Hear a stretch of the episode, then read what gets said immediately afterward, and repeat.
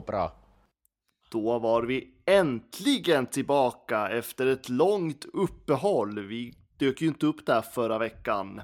Men Fredrik, vad var det som hände i introt där egentligen? Jag vet inte, vad var det som hände egentligen? Det var en liten eh, rockare som bjöds på. Och vem var det som sjöng? Kände du igen rösten? Det gjorde jag nästan inte, ska jag säga. Nästan inte. Ja. Men, men du, du kände igen det sista? Den eh, ledtråden gjorde ett plus ett för mig. Ja, det gjorde du. Det var ju nämligen Mikko Manner som avslöjade i podcasten Hockeystudio, en lång intervju där, jag rekommenderar att lyssna på den. Han avslöjar ju där att han har ett pojkband, The Fifth Avenue, Avenue Crew, som finns på YouTube. Och det är ju fantastiska låtar där Mikko Manner sjunger, rappar och ja, talangfull tränare vi har alltså.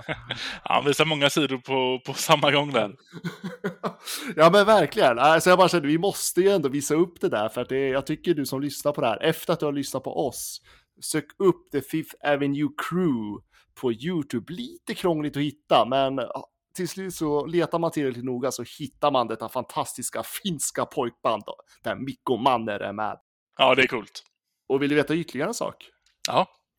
Eh, Jag spred ju det här vidare såklart till en eh, som jag känner i Gävle som eh, har tagit det ytterligare steg vidare och jag har fått till mig att Mikko Manders låtar kan eventuellt komma och spelas i arenan. Det vore faktiskt väldigt roligt. Alltså det vore så underbart. Eh, och eh, alltså jag kan tänka mig att det blir så här något litet kort, du vet, mellan så här avblåsningarna när de spelar Ja. musik, att man får höra Mikko Manders ljuva stämma, stämma i arenan. Ja, det hade lyft stämningen tror jag, definitivt. Ja, jag har faktiskt lyssnat på alla deras låtar. Eh, Jag, alltså jag blir, jag blir jäkligt imponerad faktiskt. Jag tycker, det är absolut inte min musikstil, men jag är imponerad över eh, ja, vilken eh, ja, talang våran tränare har. Hur många låtar är det?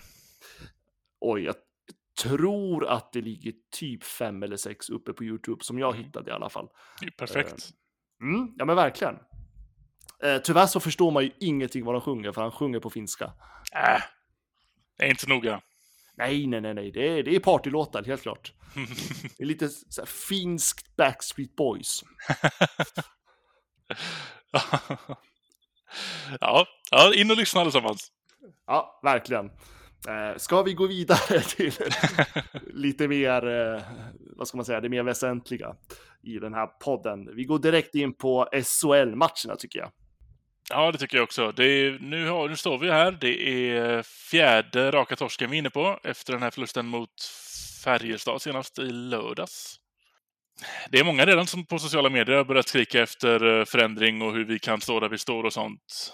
Min första tanke direkt är ju, var det inte det här vi räknade med?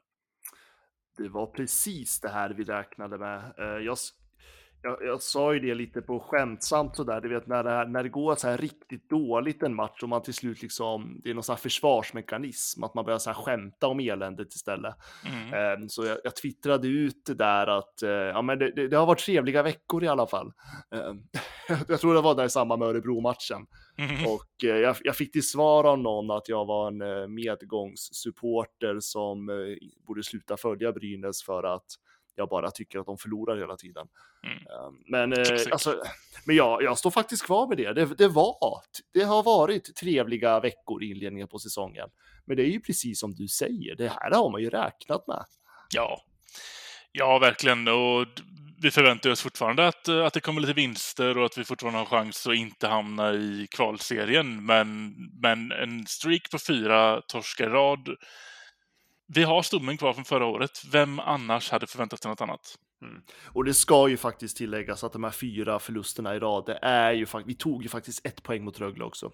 Mm, det är sant. Så, och, alltså, vi har ju mött väldigt bra lag. Vi har ju mött liksom Rögle, Örebro, eh, Färjestad. Nu, är, nu, miss, nu har jag glömt bort den. Eh, Rögle, Örebro, Färjestad. Ja, det är ju Oskarshamn då, men de kan vi Ja, inte slå ja. ändå, så att det får vi räkna med. ja, precis. Det är ju förbannelsen vi har över Oskarshamn. Men alltså de andra tre, det är bra lag. Det är ett liksom topplag. Mm. Eh, så jag tycker ändå att, ja. Eh, men eh, jag tittade lite så här, om, om man tittar på så här tråkig statistik så kan jag bara konstatera att Brynäs är det lag som har släppt in flest mål hittills i ligan. Mm. Det är endast Djurgården som har fler skott emot sig än vad Brynäs har. Och det är endast Timrå som totalt har sämre räddningsprocent än vad Brynäs har. Och Corsi-statistiken så har jag för mig att det också var Timrå är det enda lag som är sämre än Brynäs just nu. Mm. Men ändå så är ju liksom, alltså det var ju liknande siffror eh, förra säsongen, men jag tycker ändå överlag, alltså så här, det är ju ett annat spel. Det finns ju någonting mer ändå. Men vi vinner ju, vi vinner ju inga matcher. Nej, Nej men det, det är som du säger, det är ett annat spel och jag tycker ändå att jag har slutat bry mig lite om hur stort vi möjligtvis skulle förlora. Ehm, det är poängen jag bara bryr mig om, för när vi står där i, vad blir det, början på april, slutet på mars, då, då kommer ju den här lilla poängen vi tog mot Rögle kanske spela roll. Och sen när vi åker på däng mot Oskarshamn med 16-0, ja, målskillnaden spelar ju sällan lika stor roll som det gör med poängen, även om det kommer vi inte säga i mars dock. Men poängen är ju viktigare. Så att varje liten, varje liten övertid vi kan ta oss till eller lyckas få en trepoängare, det är så jäkla bra värt nu. Visst är det så och sen Visst, alltså det, det är inga ursäkter på något vis, men jag tyckte ändå liksom så, här, så jäkla dåligt om man tittar på matchen på 60 minuter mot till exempel Örebro var ju inte Brynäs. Ehm, det var ju liksom att Örebro fick ett momentum där, var det väl fem minuter in på matchen när deras Oliver Eklind gjorde 1-0 målet. Och sen eh, snabbt därefter så kom ju Robin Kovacs som gjorde 2-0 målet och sen hade ju de ett rejält momentum där.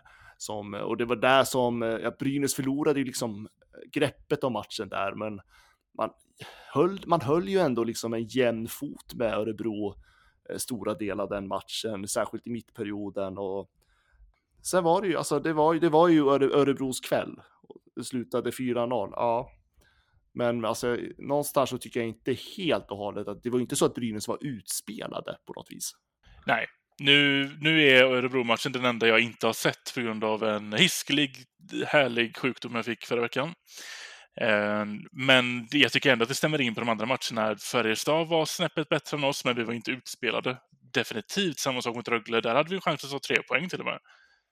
Så att vi är, vi är inte utspelade, även om det verkar falla på sista, sista raden där så, så kommer vi inte hela vägen. Men, men det är många matcher som ser definitivt förbättringen ut jämfört med förra året. Ja, men det gör och det, alltså det är ju så här, det är individuella misstag som avgör de här matcherna. Ja. Jag menar mot Färjestad så det var väl absolut inte Veivilänens bästa match. Eh, Nej, tyvärr. Alltså där, där vill jag ändå säga att målvaktsspelet var en ganska stor bidragande faktor till att vi förlorade tyvärr. Ja, jag ville byta målvakt där ett tag in, men det är också det, byt, vad byter vi till? Det är, ja, Nej, alltså jag tror inte att det hade blivit bättre. Jag tycker liksom eh, Andrén har inte förtroende hos spelarna. Jag tror att tränarna märker av det också. ja, Annars, skulle, annars skulle han ha stått någon av de här matcherna. ja. Eh, Det är liksom, det, nej men det, det var individuella misstag. Jag tror, var det inte Gunle där som gjorde en rejäl katastroftabbe mot Örebro om jag inte missminner mig nu? ja nu frågar du mig om den enda matchen Ja jag just inte har det, sett. den, den, den du inte såg, just det. Ja men han liksom, jag för mig att det var Gundler, det, gud vad hemskt om jag skyller fel spelare nu. Men som gör en jättetabbe och åker liksom ger Örebro pucken och som får friläge. Han åker liksom Mm. bakom motståndaren istället för framför. Det är så här 15-åringar ska ha det där i ryggmärgen och han gör helt tvärtom. Mhm. Eh, Så att det var katastrofalt på det sättet. Det är lite sådana individuella grejer som du säger som, som tyvärr fäller skillnaden på om vi kommer ta poäng eller inte. Jag tycker dock fortfarande, oavsett om vem det är som har gjort de här individuella de senaste matcherna, så, så är det bra lag. Vi har, förstå mig rätt, men vi har råd att förlora mot de här bättre lagen så länge vi ser till att vinna mot de som är under oss. Då får vi se till att göra det också. Ja, men blir det och det är där, det är där man blir lite osäker. Men sen är det, alltså det är ju bristande i försvarsspelet. Det är alldeles för passivt i egen zon och det är liksom, jag vet inte, det är inte, det är inte det här styrspelet som eh, eller, Brynäs hade i inledningen av säsongen. Eller så har motståndarna faktiskt läst av Brynäs spel. Mm. Eh, och, gör att, alltså, så, och gör att Brynäs kommer inte dit man vill vara och då blir man passiva istället. Mm. Det, och det, ja, det, för, på något sätt, för vi skapar ju tryck emellanåt. Vi skapar ju liksom momentum där vi har pucken i offensiv zon väldigt länge och vi skapar ju ändå liksom skottlägen. Men effektiviteten är ju, liksom, finns ju, har ju inte funnits, i alla fall inte de senaste fyra matcherna. Nej, nej, lägen finns det gott om, den saken är klar. Men, är det, men är, ja, för att lyfta fram något positivt så måste jag inte säga att jag är sjukt imponerad Ola Palve och hans eh, hårda jäkla jobb i offensiv zon. Mm. Eh, det var väl mot Färjestad där när han håller pucken så sjukt länge och man tänker liksom så här, alltså all, antingen så kommer han göra ett stort tabbe nu eller så kommer det bli något bra. Och Mm. eh, det är ju Ola Palve vi pratar om, så det är klart att det blir något bra av det. Han hittar Bergman som gör sitt första mål i Brynäs-tröjan. Ja. Eh, det är, ja, det var, det var magnifikt förarbete av Ola Palve där. Ja, det sa de även i sändningen att han var inne på båda baklängesmålen i första perioden mot Färjestad och sen är det ju han som löser att vi går upp, att vi reducerar till, nu kommer jag inte ihåg vad ställningen var då, men han assisterar ju till första målet och lägger andra målet. Så mot Färjestad var det definitivt hans match. Ja, men det var det och jag tycker liksom Ola Palve är ju en sån spelare som kliver fram ibland när det går lite trögt. Det finns ju så mycket energi i honom. Man blir glad av att se honom på isen. Och det gör ju att det blir ju liksom, det, det är så synd att Brynäs liksom inte kan hålla den där reduceringen eller liksom kvitteringen. Mm. Färjestad svarar upp snabbt. Sen, alltså Färjestad är ett lag som jag tror mycket väl kommer fighta som guldet i år. Det är ett sjukt bra lag. Eh, någonstans tycker jag inte att man ska glömma bort det och jag hoppas nu att trots att man har de här förlusterna och siffrorna är ju inte jättebra om man säger så och vi har problem med målvaktsspelet. Vi har jättestora problem med backspelet. Emil Molin är skadad, långtidsskadad. Mm. Ja, 68 veckor ryktas det om där. Ja, precis. Och det blir ju liksom att jag hoppas verkligen att Mikko Manner klarar av att hålla den här lågan uppe hos spelarna. Att man fortsätter tro på det man gör. Att man fortsätter jobba. För att för den som står, för den som står på sidan om som har den förra säsongen i liksom bakhuvudet så blir man ju lite orolig att de här hjärnspökena ska börja ta över nu och den här mentala kampen kommer börja. Men än så länge tycker jag ändå inte att jag ser det hos spelarna riktigt. Nej, nej, inte jag heller. Jag vill tro att jag ser en liten skillnad dock i spelet hur man har första och andra kedjan tycker jag nästan presterar bättre nu. Eller de har en högre, högre lägstanivå än de hade förra säsongen. Och kanske tvärtom på de lägre kedjorna, speciellt fjärde femman kanske. Den, den är ännu blekare än den var förra året. Det är väl en, kanske en svaghet som jag helst ser att man jobbar mycket på samtidigt med backarna då såklart. Men, men första och andra kedjan känns oftast rätt bra när de är inne. Ja, men så är det och jag, jag tycker alltså, frä, alltså Brynäs främst är ju, alltså det är ju Anton Rudin och Greg Scott. Det är ju de som har lett Brynäs de här matcherna som har varit och inledning. Det är ju därför Brynäs hade haft den inledningen man har haft också. Mm. Eh, och jag menar backarna, alltså visst, man kan beskylla på dålig backspel. Jag tycker det där eh, tränaren Holmqvist får ju otroligt mycket kritik av fans nu som undrar varför han är kvar och så vidare. Men Mm. tittar man på backmaterialet, alltså det, Brynäs har inga bra backar. Det är liksom, det är väl, det är väl eh, Bertilsson och Genoway som är liksom Ja. alltså så här kvalificerade toppbackar i SHL. Men resten då? Det är ju liksom, det är inga toppbackar. Man verkar ju också vilja försöka splitta dem. Jag vet inte om det är för att sprida kompetensen över två backpar. För sätter man dem som ett backpar, då har vi ju ett och resten är en chansning.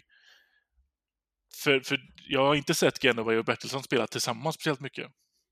Nej, och däremot så har man väl satt Genoway med Björk. Ja, precis. Vilket jag inte tycker riktigt att det blir bra för att jag tycker att man förlorar den kompetens som Genoway faktiskt står för. Eh, Jag Ja, det är ju våra två offensiva backar. De kan ju inte få spela ihop. Det är Nej jättekonstigt. men, nej men det är det, men alltså jag, jag tycker inte att de matchar bra med varandra heller. Och jag Nej. menar, ska vi, någonstans måste vi ju utnyttja Genoways absolut högsta potential, för han är en jäkligt bra back, men han kommer inte riktigt till sin rätt. Och där tror jag inte att Björk är rätt svar för honom, för Björk har ju liksom, han har varit lite svajig och liksom, jag tycker inte alls att han har eh, betett sig på isen som jag ändå förväntar mig av honom att han skulle göra. Nej, problemet med honom tycker jag är att han, han är obefintlig i defensiv zon och då måste han ha Berra bakom sig. Och han gör ibland någon tabb i offensiv zon som gör att Berra måste finnas där bakom. Och Genoway är inte där. Nej, och, och, och är det inte Bertilsson så måste det vara någon annan, kanske mer defensiv pjäs för Björk, för att han är inte där än och jag tror att, och jag tror att det är det som gör att han bromsar upp Genoway på något vis, för att jag tror att Genoway skulle behöva kanske en mer, men alternativ tvåvägsback då, om man inte ska ha en fullt defensiv back, men han behöver nog mer spelförande back med sig som kan liksom eh, för att just nu så tycker inte jag att Genoway kommer riktigt rätt, även om han, det, det han visar att han, han är en duktig back och han är en av SHLs bättre backar. Men jag tycker att man utnyttjar honom fel. Ja, jag håller med där. Men samtidigt så vet jag inte vem man ska sätta bredvid, för jag tycker inte att Brynäs har bra backar. Nej, det är det. Och, men, men av de vi har att välja på så tror jag att Björk kanske är en av de sämre alternativen att sätta honom med. Ja, det tycker jag. I alla fall det vi har sett. Jag tycker, Ja. alltså, de har ju provat Björk och Genoway och jag tycker att man borde splitta på den duon. Mm. Ja, Björ- Björk och Berra och hitta en ny kompis till Genoway. Det tror jag hade varit ett eh, bra steg framåt. Ja, vilken skulle du vilja se då? Jag tänker... Jag har jättedålig koll på, på Bergman hittills. Jag har inte riktigt sett... Jag har inte riktigt hållit utkik efter honom på det sättet för att kunna säga hur jag tycker att han har skött sig, men... men... Berglund vet jag inte. Han är ju defensiv. Men jag vet inte hur mycket jag litar på Berglund heller. Eh, Berglund har ju inte riktigt visat framfötterna den här inledningen av säsongen. Nej. Eh, Hedberg, Ja... Vill se mer av honom egentligen. Jag vill se mer av honom, men alltså det Ja. blir ju så här, ska vi ha två, alltså då försvagar vi en annan backduo istället om vi Ja, precis. Men samtidigt så, ja, alltså nej, ja, ja, ja, det är väl Hedberg i så fall. Om man skulle ge, om, om man skulle ge honom lite mer istid då, och liksom ge honom det förtroendet. Ja, då är det två lätta, korta backar tillsammans. Det vet jag inte. Nej. Lite att gnugga på det här låter som. Ja, nej men det, ja. ja men jag vet inte, men jag, jag tycker verkligen vi har inga bra backar i Brynäs IF. Det är brist på det. Jag hade högre, alltså jag tror att man hade mycket högre förväntningar på Berglund, Kristoffer Berglund. eh, Ja, som absolut gud, inte ja. har, som absolut inte har visat eh, ja, fram- framfötterna och jag tror att han just nu så kostar han mycket mer än vad han smakar. Garanterat. Det, det, han är ju en, en ständig fjärde backpar och det har väl läckt ut lite löner och sånt eh, på Sportbladet. Vilket ju då visar att han är en av de mer betalda backarna vi har. Och han är fjärde backpar. Bara det rimmar ju fel. Ja, men nu vet man ju inte om det är enbart Brynäs löner som eh, representeras där, för det, det är ju hans totala inkomst. Vad han, eh, Och just det, det var förra för. året också. Ja, vi vet ju inte. Vi vet spelare har ju också andra, du vet aktier och andra, det vill säga olika. Mm. Så det, det är svårt att, men han är, han är en bra betald back, det vet vi. Ja. Eh, Så att det är liksom inget, det är ingenting att hymla om Eh, och därför så bor, förväntar man sig att han, prester, han presterar alldeles för dåligt utifrån vad han kostar. Mm. Ja, så är det. Samlat Skellefteå-försvar, Jakob Silfverberg. Men vilket mål han gör! Vilket mål han gör, Jakob Silfverberg! Nu har han gjort flest mål i en SM-finalserie i ett SM-slutspel genom tiderna. Men vilket mål han gör! Det är ju som nog alla har märkt av nya tider, eller ska vi egentligen säga normala tider för en gångs skull. Och det har varit fest i Karlstad, det har varit publikfest i, ja, var ligger det, Rögle någonstans? Ängelholm. Ängelholm. och det har varit fest i Örebro som vi såg. Jäkla vilket tryck det har varit där. Ja. Eh, Och det har varit fest mellan, jag vet, mellan Frölunda och Färjestad. Och, men sen kommer man till Gävle och Där tar det stopp. där tar det stopp. Vad har vi haft för publiksnitt? Eh, ska vi se, hur många hemmamatcher vi har haft sen det blev normala tider igen? Två om vi räknar med, ja precis, Rögle-matchen och Färjestad-matchen. Ja, men alltså, jag, alltså, jag vill inte belasta, Åh, gud det här är så sjukt tråkigt ämne att prata om. Eh, Men eh, alltså, jag vill absolut inte belasta Brynäsklacken, de som har varit på plats, för jag tycker de har gjort ett jäkligt bra jobb. Ja, Eh, Även om det har varit, alltså, hål i klacken också, om du förstår vad jag menar. Det har saknats personer, det har inte alls varit fullsatt vid klacken heller. Men det är ju väldigt tråkigt när man sitter där och tittar på Brynäs hemmamatcher och det är glapp i publiken och så byter man till en annan match, vilken arena som helst och det är världens folkfest. Mm. Och ja, jag ser alla kommentarer från olika forum och det skylls ju på den där översvämningen som var i Gävle och det skylls på pandemin att Gävleborna är försiktiga av sig. Eh, men de som har varit i Gävle stad efter att alla restriktioner har släppt ser också att så är det inte. Gävleborna är full gång i city precis som alla andra i hela Sverige. Och då pratar jag dessa krogar och pubbar och så vidare. Ja, och jag har ju tyvärr även nåtts av informationen att det är, mm, HV har ett högre publiksnitt än vi hittills. HV har ett fantastiskt publiksnitt. Alltså hela staden har verkligen bara slutit sig bakom HV. Ja, Jag tror att de hade väl ungefär, hade de inte 6 och 6 senast mot eh, i deras hemmamatcher och sånt där. precis. Och det här är, alltså jag vet inte, jag var i Gävle för, alltså nu kan man ju bara liksom eh, spåna och bara ha sina egna hypoteser och sådär. Men eh, jag var i Gävle för, vad var det, två veckor sedan. Eh, och det var hemmamatch. Och jag fick verkligen ingen känsla i stan om att liksom Alltså det, det, det, var lite som att den här äh, relationen mellan Gävle och Brynäs var fortfarande jäkligt sargad på något vis. Ja. Eh, Det kändes trött. ja, vilket ändå, jag kan ändå, man får ändå säga att man förstår det lite med den förra säsongen som har gått och den här starten på den här säsongen, men jag levde i någon typ av bubbla då att vi har inte gått på hockey på så här länge. Det spelar ingen roll hur dåligt det har gått, vi vill gå på hockey. Och, men ja, och, och det är ju så, alltså det finns en, alltså jag, som att jag själv är från Gävle så har jag ju väldigt många bekanta där i stan fortfarande och många vänner och familj och så. Och när man pratar runt lite, alltså det är många som, alltså man är, man är, ganska, man är ganska less på Brynäs. Mm. Ehm, och samtidigt så tycker jag väl inte att Brynäs har varit så jäkla duktiga på att kommunicera ut och sen vart ju det där strul med biljetterna inför liksom, ja det är dåliga ursäkter kanske, men alltså jag vet inte, det känns som att det är otroligt många faktorer som har spelat in. Eh, och sen är det absolut, det är säkert någon familj som sitter där och eh, just nu håller på att renovera en hel jäkla källare för att det har varit översvämning. Ja. Eh, och kanske inte vill lägga pengarna på dyra hockeybiljetter. Ja, fine, så kan det vara. Men jag tror inte att det är så otroligt många att vi inte ens får knappt halva arenan, höll jag på att säga. Nej, precis. Vi ligger väl, i alla fall i första matchen mot, mot Rögle låg- låg vi väl precis ovanför. Ja, nej, men det är inte okej. Jag, jag tycker liksom det är skittråkigt ämne att prata om, men eh, det är liksom man, man tittar på andra arenor och man tittar liksom på andra lag och det är världens folkfest. Det är världens event kring matcherna. Sen tittar man på Brynäs, det händer ingenting. Och det är lite kritik till de som jobbar kring det här evenemangen också och jag tycker liksom att man inte fick igång den där biljettförsäljningen tror jag bara är en liten bråkdel av problematiken. Mm. Och det är inte så att jag kritiserar tjänstemän i Brynäs IF. Jag vet att de har sjukt mycket att göra. De har varit underbemannade.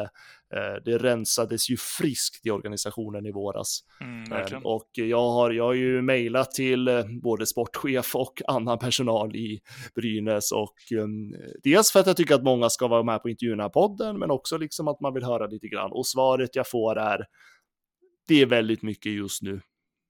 Ja. Liksom, vi, vi tar det senare om några veckor. Alla svarar så. Så att det jobbas fullt ut. Jag tror att det anställs massa folk och ho- förhoppningsvis så kommer det bli förändringar.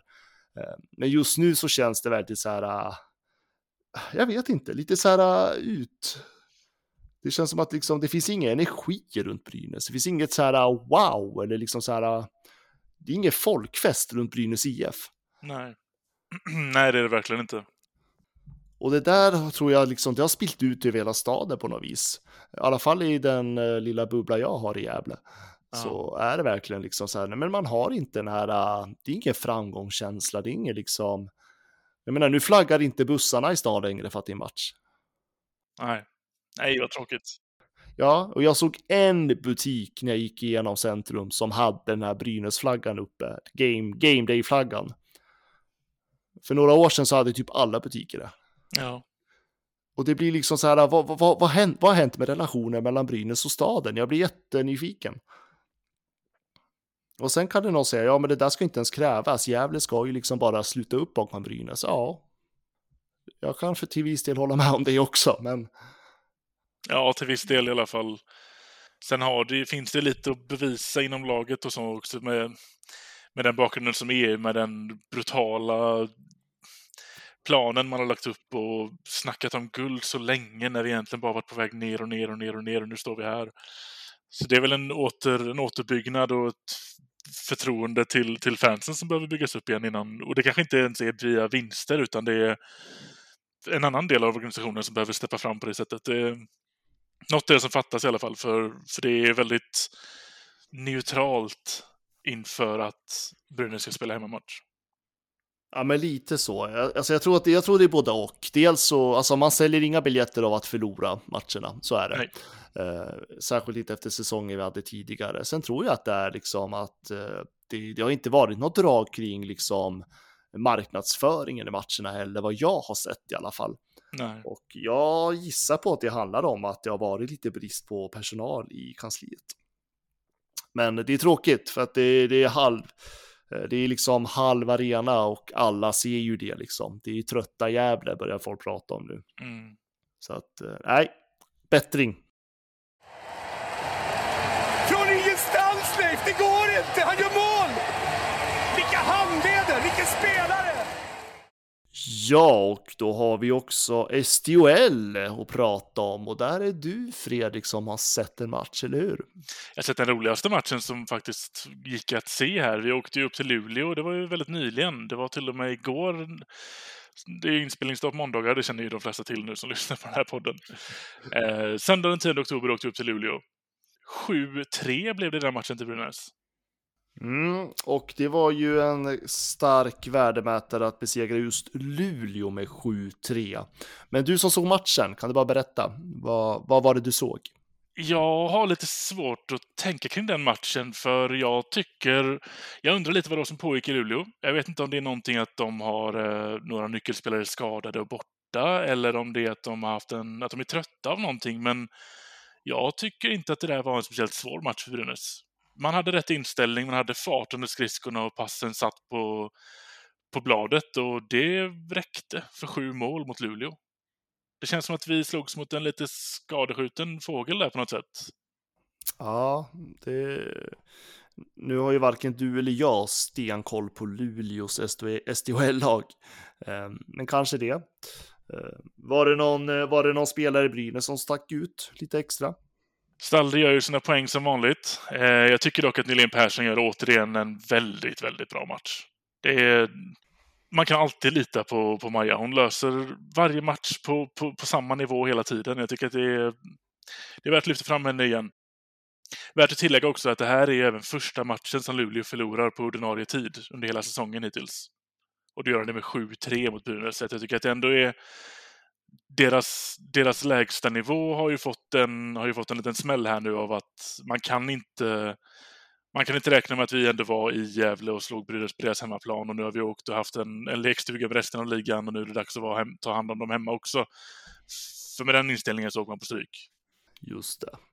Eh, Jag som själv inte såg matchen, jag kan bara konstatera att den här segern gör ju att Brynäs klättrar upp på en andra plats i tabellen efter 11 spelade omgångar. Eh, SDHL har dock en sjukt haltande tabell ser jag. Den är ännu Mhm. sämre än vad SHL är. Eh, Men man ligger på en andra plats, 25 poäng, efter Luleås 27 poäng och då Luleå har också spelat 11 matcher. Så att det, det, det ser ut att vara en jämn batalj där bland topplagen. Ja, det är skönt i alla fall att vi tre topplag som har någonting och vi, vi som kommer att fightas. För nu börjar Linköping sacka efter lite. Ja, men kolla att Lidköping bara åtta spelade matcher på 17 poäng. Ja, jo men precis. Ut, förutom det då så, så är det ändå relativt jämnt i... Ja, så jag, säger, jag säger varning Linköping. Okej. ja, men det är bra. Men det är också det är väldigt konstigt, till exempel tittar du på SDE. Vi, jag menar, Brynäs och Luleå och Modo har spelat 11 matcher, SDE har spelat 6. Ja, Och då är det väl kanske tur att SD är inget bra lag i SDHL. Precis, så det är lite det jag ville komma till, att det är bra att de lagen som, som ligger och topp fyra i alla fall, och topp tre i det här fallet, har lika många matcher spelade så att man ändå kan fatta var vi ligger i, i, i formen och i, i förhållande till tabellen. Mm. Ja, men det är kul. Det, det, liksom, det drar på där och jag ser ju sen att Brynäs kom. Vi har liksom bottenmötet Göteborg som väntar sen. Mm. Eh, nästa match och det är, nu ska vi se om jag ser rätt här, kan det vara lördag? På lördag är det. Då är det hemmamatch mot Göteborg. Det är dubbelmöte på helgen, va? Är, eller två match, hemmamatcher ska vi säga. Just det, det är HV dagen innan till och med på fredagen.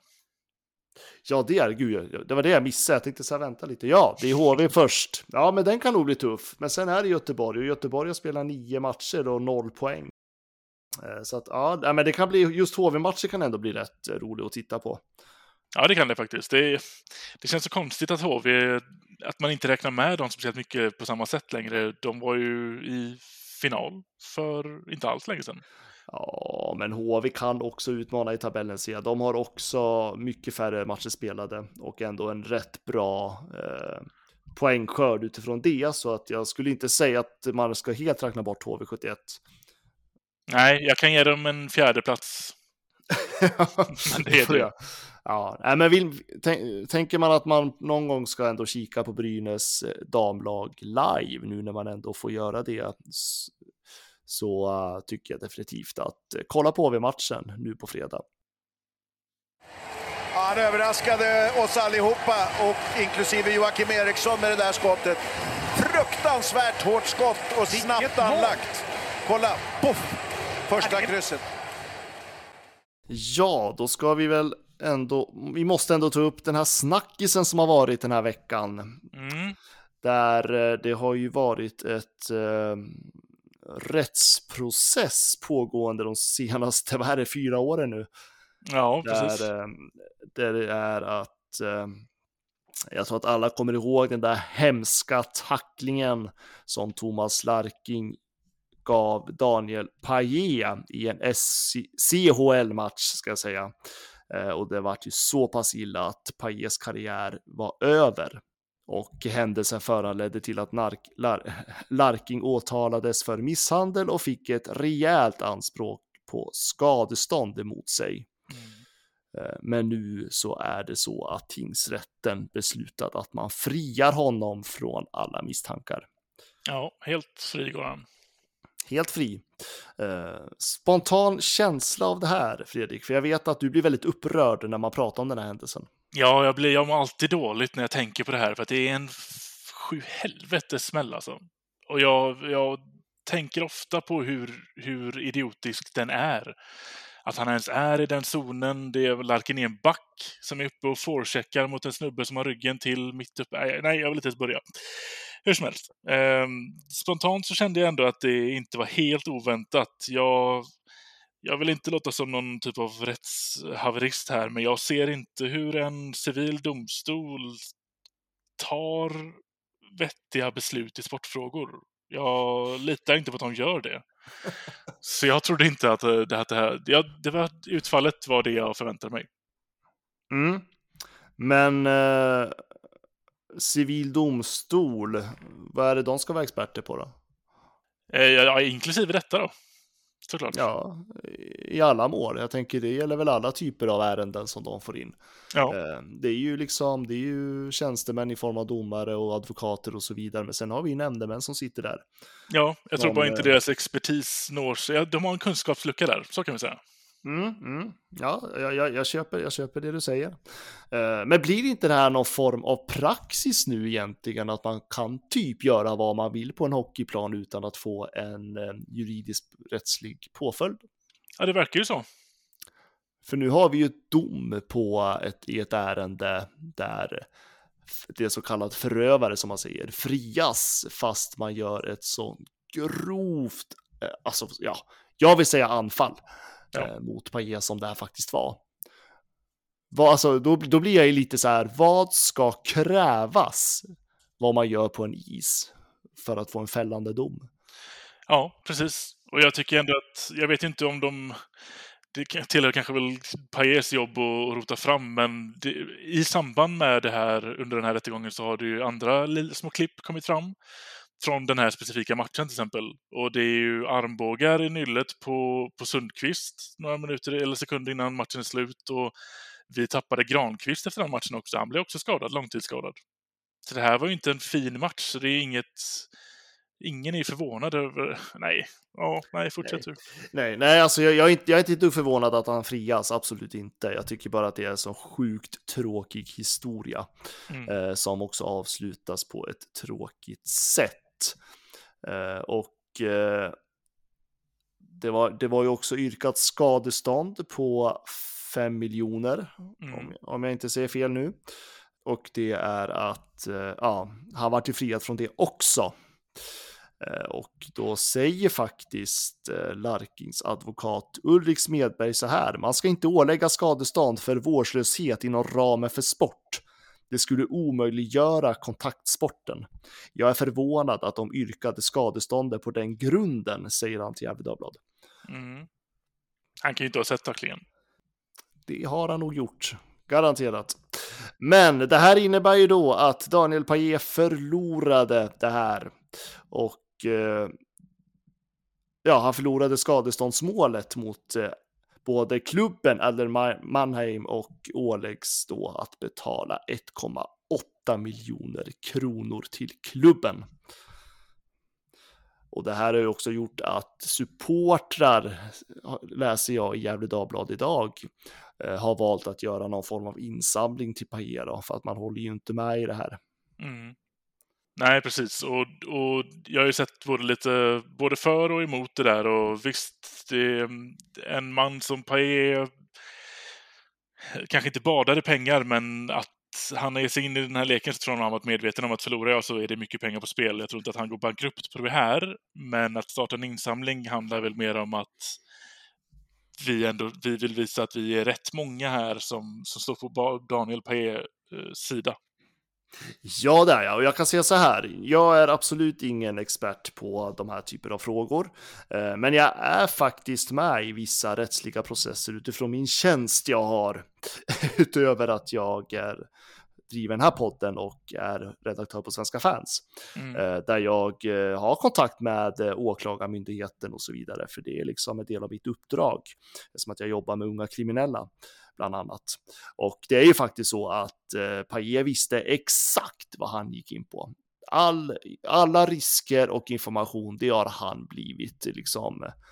Den informationen har han fått. Han visste om att den här risken fanns. Ehm, och eh, det är någonstans kan jag väl också känna liksom att ja, jag tycker det är en fin tanke att man ändå inte håller med honom eller håller med den här domen och att man tycker att man ska ge Paille en liten summa, vad det nu blir, men eh, jag står nog hellre för en fansens värvning här och nu och stöttar Brynäs. Om jag ska vara helt ärlig. Ja. Ja, det är väl kanske en... Um... Ja, jag, jag är kluven. Jag, jag förstår båda sidorna här. Jag, jag önskar bara inte att vi behövde ta ställning till det här utan att Larkin skulle... Nej, men, nej, ja, men jag tycker vi behöver ju inte ta ställning. Vi behöver ju inte ta någon ställning. nej, jag nej, tycker nej, att, nej. Alltså, I det här fallet får man ju göra vad, man, vad var och en får nog göra sin egen bedömning tycker jag. Mm, Och vad man själv vill bidra med. Om man nu vill vara med i det här eller inte. mm, Eh, Men jag tycker att det är otroligt tråkigt. Och eh, jag, min, alltså den enda frågan jag har det är liksom vad ska krävas att vad man gör på isen för att det ska bli en rättslig påföljd? Det är min Ja. enda fråga. Alltså pratar vi mord typ? Alltså, missförstå mig rätt här nu, men det blir liksom så här, ja, Ja, men det är ju nästa, nästa nivå av detta för han, en avslutad karriär och en hjärnskakning som påverkar hans liv resten av livet. mm, Nästa steg ut efter det är ju att någon dör på isen. mm. Eh, Jag vill faktiskt citera en riktig känd krimin kriminolog. Mhm. Leif GW Persson har ju faktiskt kommenterat det här ärendet i T- TV4. De hade väl något program som heter Brottscentralen har jag för mig att det hette. Okej. Eh, där säger Leif GW Persson så här, och nu citerar jag. Den folkliga uppfattningen är ju att om man ger sig in i leken får man leken tåla, oavsett om den här leken kan vara ganska hårda former. Jag delar inte den uppfattningen. Jag likställer det här med ett vanligt överfall, säger han. Mm. Ja, även i den här leken vi har gett oss in oss på så finns det regler. Ja, jag tror inte att Paille godkände att hans karriär skulle vara över om han, innan han gick in i den här matchen kan jag säga. Nej, exakt. Och när man läser det här domslutet så tycker jag också att det är ju, alltså det blir ju väldigt märkligt eh, hur de har resonerat. Jag, jag Ja, det, förstår står att, väl, det står väl i domen att, att det här, det var en, en kollision som inte gick att undvika. mm, bullshit kan Ja, jag säga De har ju sett tacklingen. Nej, bullshit, jo men det har de gjort. Nej! De har, jo, de har sett här. Låt oss försöka vara seriösa här. De har sett tacklingen, de har gjort någon bedömning, men nej, det är inget hockeyfolk som har gjort bedömningen. Det är så jäkla tydligt så det kan bli. Mm. Eh, Så, eh, jag, jag, jag tycker det är, det är ett tragiskt slut på en tragisk historia. Nu vet ju inte vi, nu kan det vara så att, att uh, Paille överklagar det här naturligtvis. För det är han som har förlorat domen. Så kan. Mål, målet ska jag säga, inte domen. Eh, så det får vi se hur det blir. Men eh, ja, Ja, det är där vi är just nu i alla fall. Och ja, som sagt, tyvärr inte jätteoväntat och från min sida i alla fall. nej, jag, jag är inte heller förvånad. Jag tycker bara att det är jäkligt tråkigt. Ja, fantastisk spelare, fantastisk ledare, fantastisk person som avslutar en sån här kar- eh, fantastisk karriär på det här sättet. Jag tycker det är, det är beklagligt och eh, ja. Thomas Larkin lär, lär ju aldrig kunna besöka Gävle i alla fall, den saken är klar. Nej, jag tycker att han ska få besöka något. Nej. Ja, Nej, tråk, tråkigt, men så är det. Jag, jag hoppas bara att Pagea ändå mår så bra han kan må efter en sån här smäll. Jag vet ju, man kan ju dras med rejäla konsekvenser av en hjärnskakning i den här kalibern, så att det är bara. Jag, önskar, jag hoppas att han mår bra idag i alla fall och att eh, på något sätt kan gå vidare. ja, verkligen. Men allvarligt talat Leif Boork, du håller på med hockey i 600 år. Hur skjuter karln? Hur skjuter han? Han skjuter väldigt bra, han skjuter väldigt hårt, han skjuter väldigt pricksäkert. Ja, nu, ska vi, nu har väl vi tjabblat klart här, tänker jag. Och jag tycker att vi ska gå direkt vidare till... Jag har ju faktiskt pratat med Johan Svensson, känd från Expressen och podden eh, Sanny och Svensson. Eh, tidigare också Mr. Madhawk. Precis. Eh, det är en väldigt, det är en ganska lång intervju, över 40 minuter tror jag att den är. Och ja, det är lite allmänt om hans syn på Brynäs ska jag väl säga. Så att jag ska inte prata mer utan eh, nu kör vi intervjun och sen så hörs vi nästa vecka. Jag upplevde och upplevde ju ett självmål med en jävla skitregel. Vet du fan vem som har kommit på de där jävla reglerna. fan ska de kunna göra mål när de har en avvaktande utvisning eller? Ja, då sitter jag här med Johan Svensson, även känd som Mr. Madhawk sen tidigare, nu aktuell på Expressen och den fantastiska podden Sanny och Svensson. Finns jag rätt Ja, Johan? exakt. Det har nästan blivit så att vi har blivit mer förknippade med den där podden, eh, både jag och Sanny. Vi hör ingenting annat om någonting annat vi gör, men det är alltid den där podden som kommer på tal, så vi sätter väl någon form av avtryck hoppas jag. Ja, men det gör ni verkligen. Jag är en trogen lyssnare i alla fall, så att uh, mig, mig har ni avtryck på. Ja, det är bra, det är bra. Du, du lyckades stå ut även förra säsongen när vi satt och gnällde på Brynäs hela förra säsongen känns det som. ja, nej, men det tror jag att alla gjorde. Jag tror att någonstans så fick man ju vänja sig som brynäsare och uh, men det, det är klart, det, det var ju tungt att höra och jag vet inte, jag tror att jag skrev till dig någon gång ibland också när man varit lite så här butter. Ja, exakt. Man, alltså, man påverkas ju ganska mycket rent humörsmässigt när man har ett lag man följer och så går det dåligt och så sitter folk och spär på det och så slår man in öppna dörrar. Att, eh, du, du är ju väl medveten om situationen liksom. Du behöver inte att någon annan ska, ska trycka in den eh, kniven i ryggen på dig ytterligare så att säga. Ja, men så är det ju lite och jag tror att särskilt i våras där så tror jag att många brynäsare, alltså det kan jag nästan själv känna att man kände ibland, även om man är Även om man är väl medveten om hur mediebranschen fungerar och ni andra som är neutrala ser ju saker med kanske lite andra ögon också. Det blir ju lite så här, ja men nu kan ni väl sluta slå på Brynäs. Man får ju lite den här känslan, även om man försöker liksom ändå förstå att det är vi som sympatiserar som känner så här nu. Ja, exakt. Nej, men jag kan verkligen köpa den känslan och det, det, det var ju så mycket som hände hit och dit och så var det fyra coronautbrott och så satt folk och ifrågasatte det och ja, det blev, det blev en ond spiral och man sitter och spiller mycket negativ skit i onödan och ja, man får lite konstiga tankar ibland. Ja, men så är det. Det var kon en konstig säsong överlag och särskilt för Brynäs som vi ändå ska prata om nu. Jag tycker det är jättekul att ha dig med i podden ännu en gång, för det här är andra gången du deltar. Jajamän, härligt. Och det är ju faktiskt lyssnare som har frågat efter dig också, så att det gör ju extra roligt att du väljer att ställa upp på det här. Jaha, okej. Okay. Ja, ja, Nej, men då ska vi försöka göra ett uh, gott avtryck igen så de kan fråga en tredje gång också. ja, precis. Nej, du, du skrämde inte iväg alla brynäsare i alla fall uh, i podden. Nej, det var ju för väl det. de, de, de begriper det skånska språket i alla fall. Ja, men några i alla fall. Det finns ju några brynäsare i Skåne, men uh, vi högre norrut, vi ska försöka. Ja, det är bra, det är bra. vi, vi var ju lite inne på det. Eh, Brynäs kvalade i våras. Det var en väldigt tuff säsong sportsligt. Eh, sparka tränare igen. Sen hände det ju inte så jättemycket under CD season om man tittar på spelarmaterialet. Det var ju några förändringar såklart. Eh, den främsta förändringen var ju ändå på ledarstaben. Utifrån hur Brynäs situation var där och då, tycker du, har man agerat rätt i klubben rent sportsligt tycker du? Eh, ja, alltså ehm, man, man hittar ju någonting nytt och fräscht igen så att säga. Det var ju, kändes ju nytt och fräscht med Peter Andersson också när han kom in att han skulle få sätta det avtrycket. Men jag tycker inte Peter hade det materialet som, eh, som han jobbar bäst med i SHL. Det är, det är mer ett kollektivt arbetande lag som han jobbar bäst med. Jag, jag tycker ju att Brynäs är väldigt mycket Anton Redin. Det är väldigt mycket Greg Scott och så har vi några där bakom. Det, det kretsar väldigt mycket kring två väldigt etablerade spelare. Det finns självklart fler. Men eh, det, det är de spelarna det ska eh, hända kring och eh, jag tror inte det passar riktigt så bra med Peter Andersson som tränare. Mikko Manner som människa har jag fått ett superbra intryck av. Det är väldigt mycket mjuka värden och så vidare. Det blir intressant att se vad som händer med alla de här mjuka värdena. Om det, nu har de ju ett gäng förluster här på raken och vad händer om det kommer ett par till?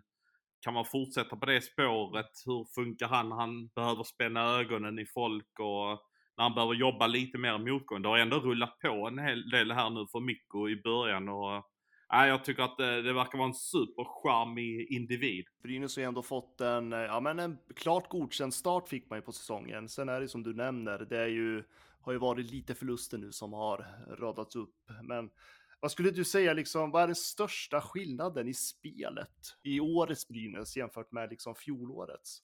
Det är svårt att säga vad som är den största skillnaden så där på det sättet. Um jag, eh, jag har inte sett jättemycket av Brynäs hittills i år. Ehm, det är ju, det, jag, jag tror att de får lite mer utrymme, de här stjärnorna. Att de får lite friare tyglar än vad man får under Peter Andersson. Det är min bild av det. Att, att man låter dem få göra det de är bra på. Istället för att alla ska sluta sig eh, till ett system och det är det som gäller till 100%. Jag tror det passar spelare som, eh, som då Rudin och Scott och Dicke Danielsson och Molin då, även om han är skadad nu. Lite bättre än att de liksom ska vara inslussade i någonting, ett kollektiv som alla till punkt och pricka ska hålla sig till. Det går ju såklart att spekulera väldigt mycket fram och tillbaka, eh, men jag tänker om man jämför liksom förväntningarna som var på Brynäs förra säsongen, för Peter Andersson var ju otroligt hyllad när han kom till föreningen. Eh, både bland liksom den egna ledet inom Brynäs och även liksom bland eh, er experter. Och eh, man hade ju, klubben själv hade ju höga förhoppningar på att man skulle nå till slutspel. I år är det ju en helt annan förväntan på Brynäs. Hur mycket spelar sånt här in egentligen? Ja, det är klart att det spelar in. Det var säkert en enorm press när Peter kom till Brynäs jämfört med när han kom tillbaka till SHL 2016. Det var ingen som direkt hade några stora förväntningar på Peter när han tog över. Då var Malmö ett år hade de varit i SHL. Björn Hellkvist hade varit med i etableringsfasen. De hade blivit 12 i SHL. Ingen hade några större förväntningar. Peter tog dem till semifinal två gånger, slutspel varje säsong. Eh, och sen kommer han till Brynäs som står inför en förändring och man har så att säga gått all in på en tränare ändå. Att nu ska vi bygga med Peter över tid här och eh, vi tror att han är helt rätt och sen så blir det som det blir. Eh, det blir en ond spiral. Ehm, så att eh, det är, det är klart det är helt andra förväntningar för ehm, jag tycker att Brynäsar, min känsla är ju att Brynäs har varit rätt likgiltiga inför det som komma skall. Ja, ja, det, det går som det går så att säga. Det, det, det, det, kan inte gå sämre det, men vi tror inte det går så mycket bättre. Det, vi har varit nere i skiten och ja, alltså man har varit väldigt likgiltig inför säsongen som kommer. Men jag tycker dina förväntningar på Brynäs den här säsongen eh, och utifrån hur de har presterat hittills. Det har ju blandat och gett så att säga, men är det här liksom, är det så här vi ska förvänta oss Brynäs den här säsongen? Eh, ja, min bild inför Brynäs inför säsongen var att de, eh, att de skulle bli 11 inför säsongen. Så det, Mm. man får ju säga att de har presterat över så här långt. Men jag inbillar mig ändå att Brynäs är på väg ner mot det träsket kring det strecket runt 8, 9, 10, 11, 12 någonting där. Uh, och att, att det är där man kommer landa i slutändan. Uh, det, jag, jag tror att man, man inledde väldigt bra. De poängen kommer ingen kunna ta ifrån dem. Men uh, jag kan inte se att man, att man har den truppen som, som kommer ligga topp 6 när vi summerar säsongen. Så att de är nog på väg dit man har en trupp för så att säga. Mm. Eh, något som många har reagerat på är att Brynäs, precis som förra säsongen, släpper in otroligt mycket mål ändå eh, under matcherna. Och eh, man, har, man förlorade ju Ersson där eh, inför årets silly season. Eh, tog in Väiväläinen och eh, sen hade man kvar Viktor Andrén och han var ju väldigt kritiserad förra säsongen och nu börjar ju många sätta stora frågetecken på honom även den här säsongen. Eh, och jag vet ju även att ni pratade lite om honom i ert avsnitt, eh, eran Mm. podd. Hur, ser- hur ser det? Är, är det här en målvakt som Brynäs bör fortsätta med eller bör man liksom titta ut på annat? Ja, alltså man sitter ju i ett ganska taskigt läge med tanke på att man måste ta ansvar för sin ekonomi med tanke på all, allt man gick back förra säsongen också. Att hitta en målvakt mitt under säsongen är ju inte helt lätt. Som dessutom man har en etablerad målvakt i Väviläinen som jag tycker ändå är den man ska gå med och ska du ta in någon som är på samma nivå som honom så bör man hosta upp väldigt mycket pengar och då tar man inte ansvar för den ekonomin som man måste ta ansvar för till varje pris den här säsongen. Så eh, det är en jättetuff fråga med eh, vad ska man göra med Andrén? För jag tror inte försvaret litar på honom överhuvudtaget. Eh, så att det är mm, tufft läge, men Almtuna har ju plockat in Eliasson från Färjestad nu. Så eh, då, eh, då är ju inte den platsen ledig. Almtuna är inte lika desperat efter att plocka in någon.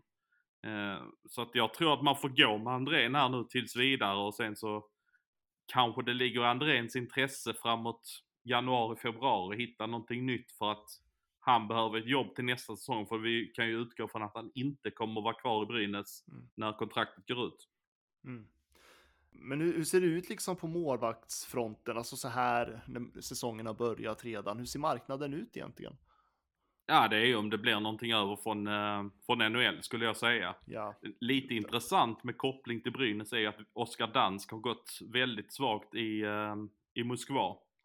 Eh, han har ju varit i klubben tidigare eh, och kommer tillbaka till Europa denna säsongen. Eh, men då sitter man ändå i det läget att nu har vi signat Väveläinen får förmodligen en ganska rejäl peng till denna säsongen. Kontraktet går visserligen ut till våren. Får man chansen, kanske dansk vill tillbaka till Sverige, ja då kanske man ändå ska slå till för att bygga inför kommande säsong. Men då måste man kanske hitta en lösning med Väveläinen och då har man ju ändå investerat mycket tid och pengar i honom redan som det är. Så att det är ju ett jättejobbigt läge.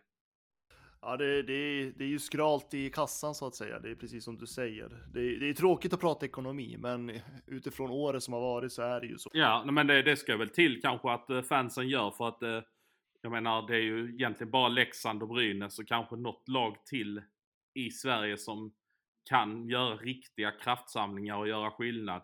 Ja, det är kanske några fler än de, Södertälje, Modo. Där finns ju några som verkligen kan få ihop pengar så att man verkligen kan värva en spelare. Så då skulle det väl vara att man gör en sån kraftinsamling tillsammans med fansen. Eh, För det tror jag att Brynäs, de har ju underlag för det, för det finns ju fans Mm, i mm. hela landet. De gick ju ut ganska nyligen med att, för att fansen skramlade in otroligt mycket pengar förra säsongen också.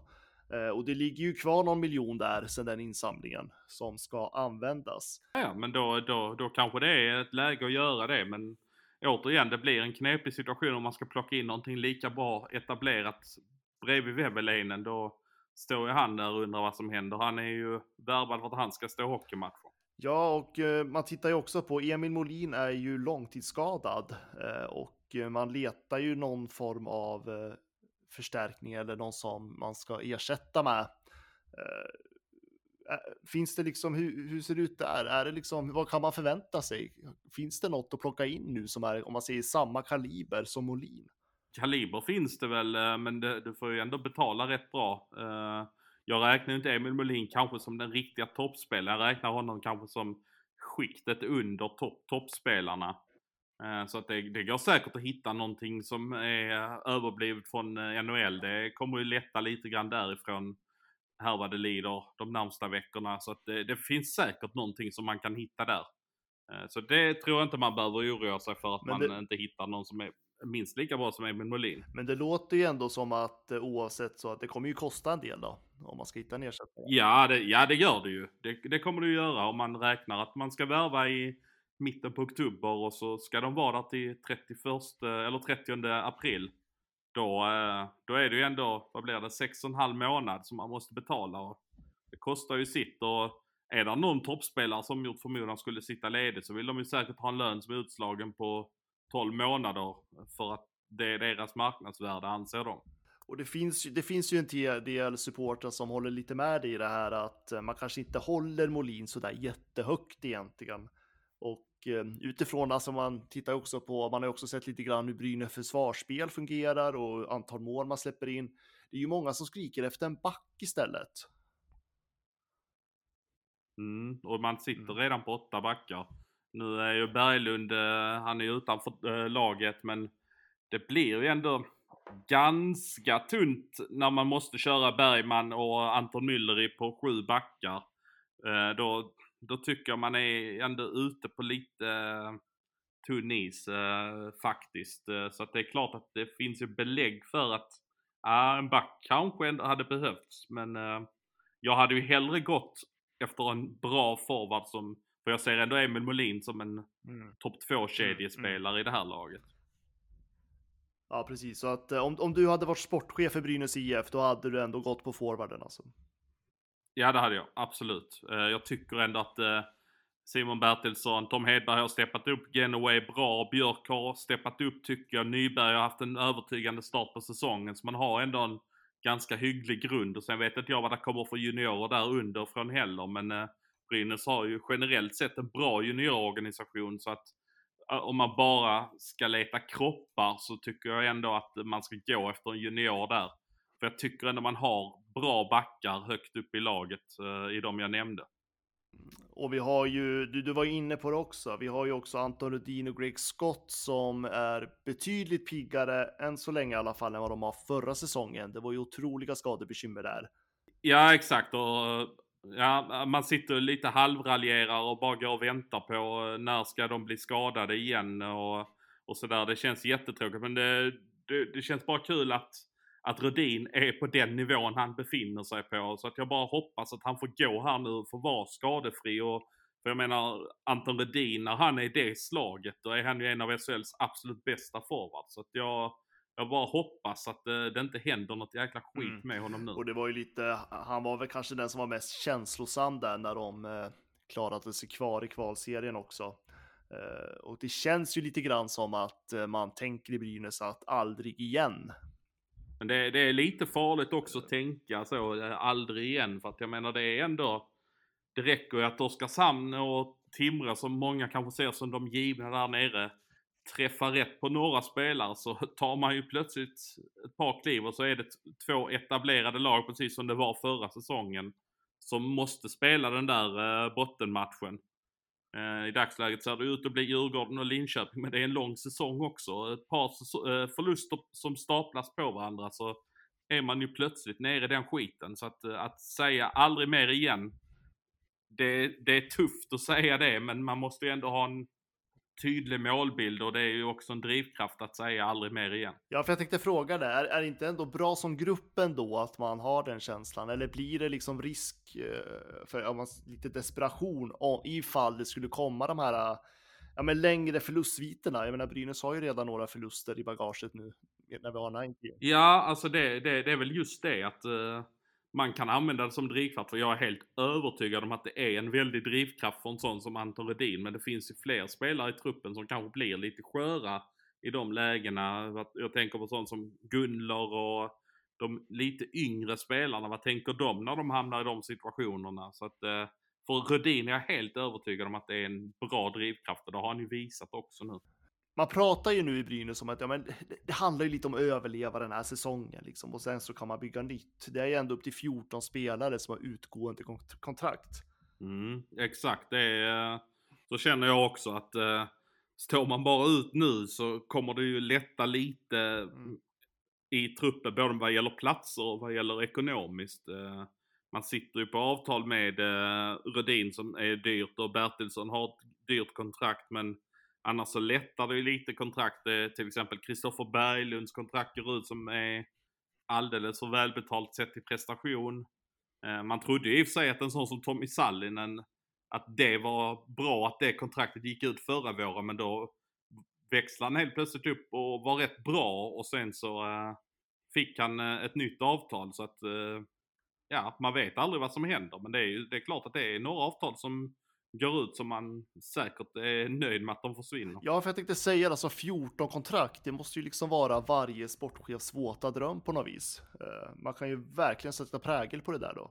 Ja, men så är det ju. Alltså, man kan ju, man kan ju välja lite själv eh, då. Vad, vad vill man göra samtidigt som man också riskerar att bra spelare kan försvinna som har utgående kontrakt så att det är, jag vet att det är många lag som, alltså Frölunda, de strävar ju efter enorm kontinuitet i sin trupp. De vill ju inte ha en massa kontrakt som löper ut varje säsong utan eh, där vill de ju ha, hålla ner det så mycket som möjligt. De, de vill ju verkligen bygga på kontinuitet i sin trupp. Så att det är, det är svårt. Alltså har man ett bra lag vill man ju ha dem över längre tid. Ja, det kan man ju tänka sig, men Brynäs har ju inte haft så bra lag de senaste säsongerna. Nej, nej, eh, jag, exakt, jag tror att exakt. många känner liksom så här, ja, men vi, vi behöver nytt. Vi behöver liksom bygga något nytt. Eh, Men, just, men det blir ju som Ja. du säger, för det blir ju någonstans att det måste ju finnas en stomme någonstans också. Eh, Nå, någonting som står för kontinuitet och liksom jag menar, 14 helt nya personer. Det är klart att man ska sammans, man ska sätta ihop den där gruppen på något vis också. Ja, exakt. Eh, Men eh, jag tycker ändå de har rätt bra stummor. Man tänker på Bertilsson och Rudin och Linus Ölund och eh, det finns säkert någon mer som, som har lite längre kontrakt. Men det är klart att man kan ju se Nicke Danielsson som en stummespelare. Man står inför ett val till våren kanske. Hans kontrakt går ut. Han fyller väl 37. Eh, Denna säsongen fyller han väl det till och med. Eh, Så att det... Vad ska man göra där och så vidare. För när man pratar med några eh, Brynäs-sympatisörer så liksom, eh, man är ju man är väldigt glad över de här förändringarna som sker i organisationen. Men det finns ju ändå vissa som är lite bekymrade, oroliga ska vi säga, kanske inte bekymrade, det är fel ord, eh, kring att ja, men man har Johan Alsen som sportchef nu och Erika Gram och eh, man tycker, det är klart, de är väldigt omtyckta i föreningen, men de har ju inte jätteerfarenhet eh, kring det här med sportchef. Nej, alltså, nej, alltså så är det ju. Alltså det, de får ju skapa sig väldigt mycket erfarenhet här nu under denna säsong. Jag menar Johan Alsen kommer precis från eh, en spelarkarriär och det gör ju Gram också. Eh, och Gram har ju ändå sysslat med, med damhockey hela karriären. Det är klart att hon har mycket kontakter inom hockeyvärlden. Men det är ju ändå skillnad på dam och herrhockey. Vem, vem man pratar med och vem man jobbar med och så vidare. Eh, så att det är, och Alsen, jag menar, han har väl varit i Sverige i stort sett hela sin karriär och han har inte varit ute internationellt och känt speciellt mycket på det. Så att eh, de kommer ju få, få lita på väldigt mycket människor här eh, de närmsta åren innan de själva har det kontaktnätet. Ja, för jag tänkte så för att det blir ju, en- alltså, apropå det här att eh, man ska, att det är ju verkligen 14 spelare vi pratar om, eller 14 kontrakt. Eh, Det är, det är väl det som gör folk lite oroliga kring det här, att det, det är ju två, missförstå mig rätt, gröngölingar på jobbet eh, som de, de håller ju på att lära sig det här nu och får ju en jätteuppgift att göra verkligen. Ja, absolut. Det, så är det ju. Det, det, det är en jätteutmaning de står inför. Men det är ju kanske bra att det finns två arbetskrafter så att säga.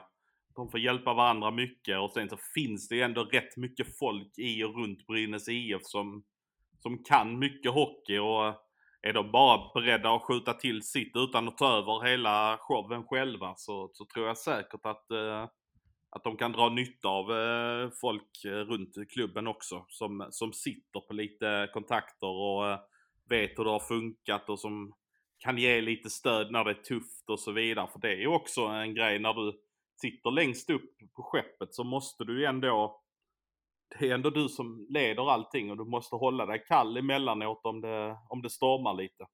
Nej, men jag tänkte på det som att Brynäs har ju eh, utifrån att hur Brynäs har presterat för, eh, till senaste åren. Eh, så att jag, jag tänker så här Rögle och Frölunda och de här lagen, de kan ju ändå liksom locka spelare med liksom, ja men kom hit till våran klubb, du är här i två år, sen så har du ett KL-kontrakt liksom.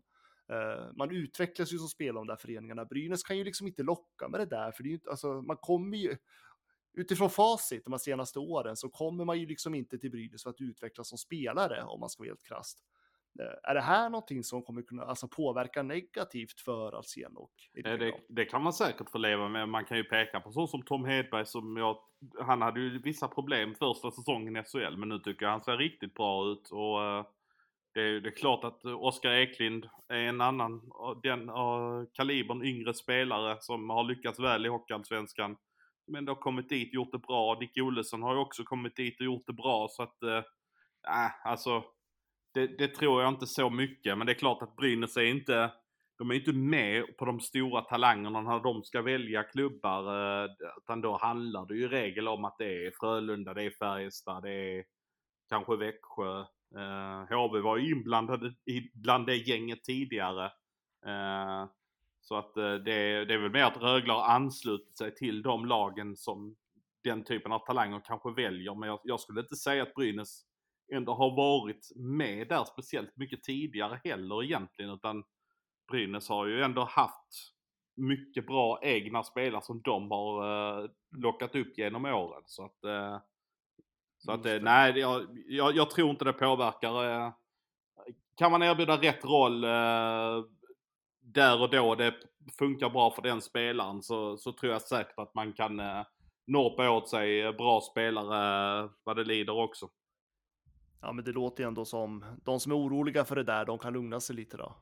Om jag ska tolka det. Ja, men det tycker jag ändå. Ja, men det tycker jag ändå. Alltså det, alltså jag menar, det var ju inte så att Brynäs var med hög på Elias Pettersson eh, speciellt mycket tidigare, utan det var ju ändå de stora så att säga som var med och högg på den typen av spelare. Eh, Skellefteå var ju med och högg på, eh, på sådana spelare mycket förr också. När de visade att de kunde göra bra eh, av sådana spelare.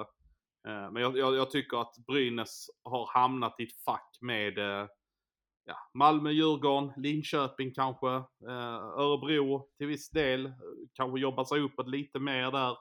Eh, som man eh, man, man lockar helt enkelt inte de, den typen av spelare. Man får kanske gå ner en hylla och så får man jobba lite grann med sina egna. Men det, det, det brukar jämna ut sig rätt bra. För det låter ju ändå som att, eh, ja men om man har hamnat i det här facket nu då, säger vi, situationstecken. Eh, det låter ju ändå som mm. att det ställer också väldigt höga krav på att man behöver en välfungerande juniorverksamhet då. Men, men det har ju Brynäs, alltså jag menar, jag, det är ju rätt intressant för både Brynäs och Linköping som, eh, som har varit där nere i skiten rätt många år nu, eh, har ju väldigt bra juniororganisationer. Eh, men det är väl kanske att man inte riktigt har lyckats få upp dem till A-laget på det sättet som man kanske har lyckats med tidigare. För att om, om sanningen ska fram så har de väl inte slagit riktigt så som man kanske har gjort tidigare med juniorer med Kvist och Ljungcrantz och de här de senaste åren i alla fall. Nej, det är ju inte samma, det är inte samma om man tänker, ja, gud, nu är det ju nästan tio år sedan eller, när vi pratade så. Uh, ja, men de här gängen som var 2012, 2013, 2014 uh, med järnkrok och de här. Uh, ja, men exakt och jag menar Linn Sölund är väl kanske den som kom innan dess så att säga. Han är väl född någonstans i slutet på 90-talet. Mm, det är han. Eh, Och Emil Molin, han gjorde ju en liten annan väg. Han kom ju till Brynäs, men fick ju inte så mycket förtroende här och gick ju en annan väg och kom tillbaka. Ja, alltså han har ju tagit en bra väg där egentligen när han gick upp till Modo och körde där under Sundlöv och, och sen ner till Malmö där det förstördes av skador och sen kom han då tillbaka. Men han har ju sådana trassel med de här skadorna. Det, är- det är synd att han har så dåliga knän rent ut sagt. Ja, verkligen. Det var tråkigt. För när han kom till Brynäs där, eh, ja gud var det, det var inte förra säsongen, det var ju säsongen innan dess. Eh, då hade han ju otroligt fin powerplay och man hade ju så höga förväntningar av honom att han skulle liksom få en sån där roll, central roll i liksom offensiven, särskilt i special teams. Eh, men det har ju liksom inte, och så kom den där säsongen som var i fjol och sen eh, har man ju ändå tänkt, ja men han är ju en bra spelare liksom. Han är ju, det är ju liksom ingen dålig SHL-spelare att göra med. Och så dras han med de här skadorna. Eh, Jag tycker det, ja, det är tråkigt. Ja, Det- ja, alltså det är jättetråkigt alltså. Jag gillar honom jättemycket så att det är, det är skit att skadorna ställer till det så men fan vet om, om han hade varit en SHL-spelare om inte han hade dragits med de skadorna då kanske han hade snarare varit en KHL-spelare eller till och med NHL-spelare. Kanske lite, lite fart kanske saknas att spela i NHL men eh, han hade säkert kunnat spela som toppspelare i någon europeisk liga. Mm. Ja, men det är lite som eh, Rödin där. Hade inte han dragit med sina skador så hade ju inte han varit i SHL idag heller. Nej, nej förmodligen inte. Absolut, så är det. Men eh, om, vi, om vi blickar framåt då. Eh, Brynäs har ju ändå inlett väl godkänt ska vi säga. Men det finns ju också fortfarande en stor oro eh, runt eh, Brynäs. Det är ju många som fortfarande har färskt i minne där kvalserien som var i våras. Och eh, ingen som har sympati för den här föreningen vill vara med om det där igen. Eh, men vad tänker du om, du om du får gissa idag liksom? Kommer Brynäs att klara sig från kvalspel? Ja, det tror jag. Det tror jag. Eh, och det, det grundar jag väl egentligen på att eh, jag tycker att både Linköping och Djurgården är riktigt illa på det och eh, jag tror inte att varken Timrå eller Oskarshamn uh, kanske Oskarshamn ändå för de har en jättebra offensiv. eh, att de skulle klara det. Men jag tycker Timrå har ett alldeles för trubbigt lag och eh, för svag målvaktssida egentligen för att, eh, för att de ska kunna studsa speciellt långt upp i tabellen. Så att jag, jag, eh, jag håller nog fast vid att jag ser Brynäs som ett lag som är där en 8, 9, 10, 11, 12 någonting. Där i, där, kring det strecket. Så det du säger är att det finns en chans för åttondel? Ja, ja, men det tror jag. Det tror jag. Alltså, jag menar det... Jag kan ju se framför mig hända att eh, Djurgården och Linköping, Timrå och Oskarshamn är de som är i botten fyra. Då finns det ju ingen plats för Brynäs vara topp, eller botten fyra så Ja, att men det, säga. det värmer att höra. Man vill ju höra det där positivt nu. Ja, precis. Man blir väl anklagad, man blir väl anklagad för jinxar eh, när, när det går till helvete på andra jag skulle också säga, det är, det är skönt att höra det från dig också. ja. ja, nej men eh, det, det, det kommer bli en, eh, en tuff säsong ändå liksom. Att det kommer bli mycket, det kommer bli fler förluster än vinster i alla fall. Det, det, det, det tror jag vi kan slå fast. Men det, jag tror inte man ska behöva hamna i den skiten man var i förra säsongen. Jag tycker ändå man har ett tillräckligt bra lag för det. Om man låter Rödin och Scott och Nicke Danielsson de här få vara lite stjärnor så, så tror jag det. Och så får man då ta ett omtag här när 14 kontrakt går ut på oss och eh, ta det därifrån. Jag tror det ligger väldigt mycket i det du säger att, eh, att överleva den här säsongen är en jättenyckel för att eh, det kommer lätta ekonomiskt och då platser i truppen och att man får känna kanske i ett lite tidigare skede än senast att man, man vet om sin serietillhörighet till eh, kommande säsong. Ja, jag, jag tycker att det låter lovande i alla fall. Eh, Det känns, det känns betryggande att höra någon som är liksom neutral i ämnet uttala sig om det. Ja, exakt. exakt. Man- Man, behöver, höra, man behöver höra i- andra infallsvinklar också liksom. Eh, in, in, in, ja. Inte de som är mest positiva och mest kritiska till klubben, utan de som står utanför. Eh, Ja exakt. Jag, jag har nog min del när jag kritiserar också så att det, det behöver vi nog inte oroa oss för. nej, nej, men det vet ni och det är ju med all rätt så här i efterhand. Så att det är liksom, eh, som sagt. Eh, men eh, Toppen, då har inte jag några mer frågor som jag funderar på. Om det inte är någonting som du tänker att eh, vi har missat. Eh, nej, jag, eh, jag känner inte det så här. Så att eh, det ska bli kul att följa laget här eh, under man och fortsättningsvis och se liksom var han tar det och hur han hanterar lite sportsliga motgångar här nu som ändå har kommit. Och tar de sig bara ur det så, så, så tror jag ändå att man är med och slåss där. Och det skulle vara kul att se dem för en gångs skull faktiskt. Och det känns ju inte som att de var det SM-finalen 2017 som de var i ett slutspel senast eller gick de året efter eller uh, hur var det? Eh, nej men det är väl de, oj, gud, nej men det är väl de tre senaste säsongerna som har missat slutspel. Okej. Så att året Mm, efter så var man väl ändå med i åttondel, gud, tror jag. Ja just det, man åkte ju mot, det var ju enda laget som slog Växjö när de tog SM. Ja, 2018, så var va? det, så var det. Det var, Ja. det kan vi stoltsera oss med. Ja exakt, att det var enda laget som slog den Växjö-upplagan. Det är, det är, man kan nästan säga den moraliska finalen. Ja men verkligen. Eh, sen, har, sen, sen, har det ju, sen har det ju tyvärr sjunkit dessvärre. Och, eh, Ja. och det är väl det man känner, det kan ju inte gå, det får inte, det får inte gå åt något annat håll just nu. Nej, det måste nej. gå uppåt liksom. Ja, nej men det nej men jag tror det alltså och när jag tittar nu så är det 10, 11, 12, 13 och jag tror att man bryter den trenden. Jag tror inte det blir 14 i år. Det tror jag vi kan slå fast i alla fall. Ja. Eh, jag lyssnade på någon intervju, jag har för mig att det var Sportbladet nu, jag kan ha fel när jag säger det. Eh, så sa ju ändå Mikko Manner att det är ju när man möter de här motgångarna som tränare, det är då man också blir testad som, eller som man faktiskt blir tränare. Eh, för att bra lag, med- menar han då att man inte behöver vara tränare så mycket, utan då kan man ju mer bara coacha och ha det bra. Men i motgången, då prövas man ju. Ja, nej men, ja, men verkligen, verkligen. Alltså, jag menar det räcker att titta med han som var här i Malmö på, eh, på 90-talet, Timo Lahtinen. Alltså, det var väl, eh, han gjorde inget sensationellt utan han hade ju egentligen rakt av ett självspelande piano med alla de stjärnorna som var där då. Och, eh, hans stora roll i det hela var ju att få dem att trivas och må bra. Sen så var det ju Mats Näslund och Helminen och alla de här som, som, eh, som styrde upp allting själva. Lite som Tommy Jonsson hade det 2012 då. Ja, det skulle man väl kunna säga. Eh, vill, ja. vill jag hävda i alla fall.